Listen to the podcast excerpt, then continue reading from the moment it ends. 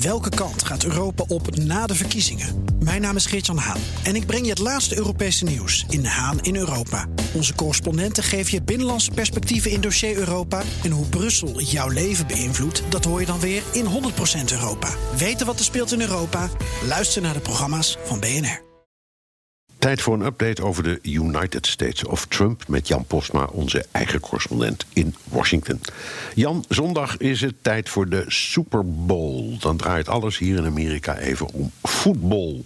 Maar ook Trump speelt die dag een rol. Ja, want hij gaat een eh, interview geven aan CBS. Dat is de zender die de Super Bowl ook uitzendt. Ze roleren dat elk jaar. Het is natuurlijk uh, ja, het sportevenement van het jaar hier. Hè. Daar kijken honderd miljoen mensen naar. En een moneymaker van heb ik jou daar. Ongelooflijk inderdaad. Het, uh, inmiddels zijn de, de, de reclames rond de Super Bowl zijn al net zo groot nieuws als die Super Bowl uh, zelf. Dus dan, dan weet je wel hoe dat gaat.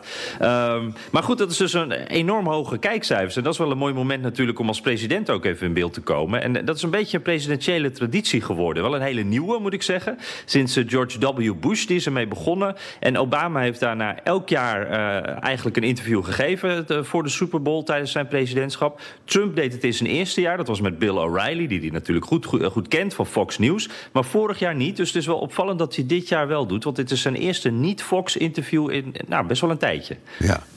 Het is duidelijk voor welk team Trump gaat juichen.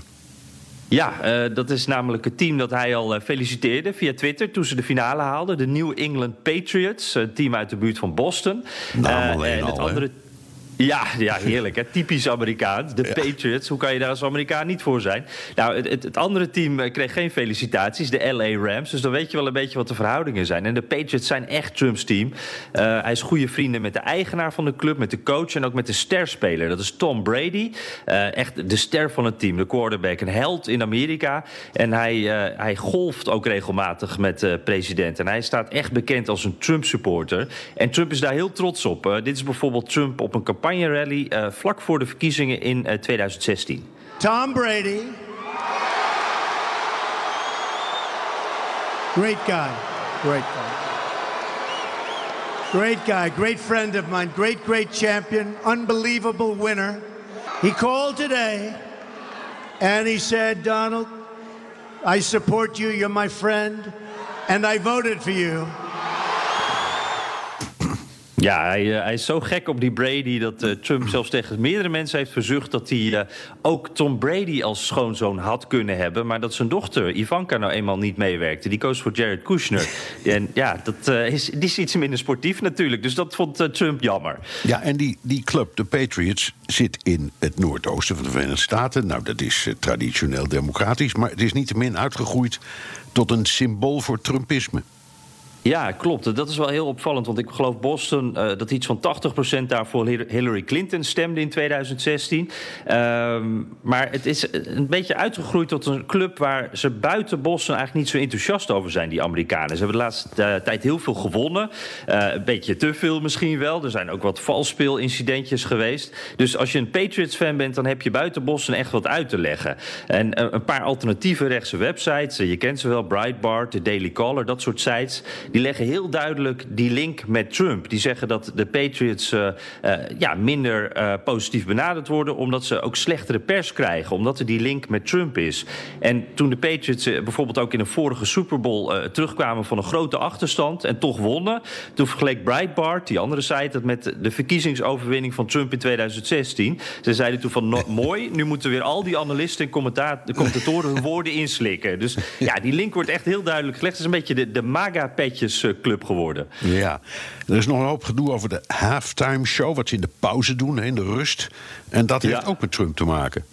Ja, ja, dat is ook weer net, net, zo belangrijk, misschien nog wel belangrijker als die sport zelf. Uh, gedoe over de optredens. Uh, verschillende grote artiesten wilden niet optreden. En dat, dat heeft dan met dat knielen te maken uh, tijdens het volkslied. waar Colin Kaepernick, weet je wel, dat was de, de leider een beetje van die beweging. een protest tegen politiegeweld.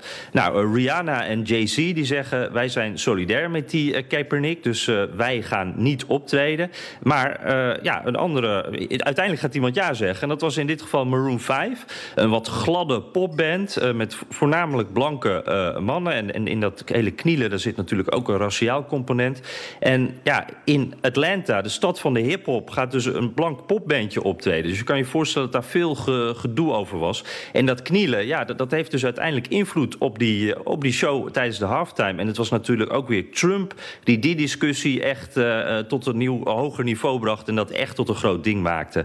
Dus ook dat, daar gaat het dan weer veel over. Dus het gaat heel veel over politiek. Uh, je zou bijna vergeten dat er ook nog een wedstrijd wordt gespeeld. Dankjewel, correspondent Jan Posma vanuit Washington. Ook Hugo Reitsma vind je in de BNR-app. Superhandig die BNR-app. Je kunt alle programma's live luisteren, breaking nieuwsmeldingen. Je blijft op de hoogte van het laatste zakelijke nieuws. En je vindt er alle BNR-podcasts, waaronder natuurlijk de belangrijkste, Boeken zijn in de wijk. Download nu de gratis BNR-app en blijf scherp.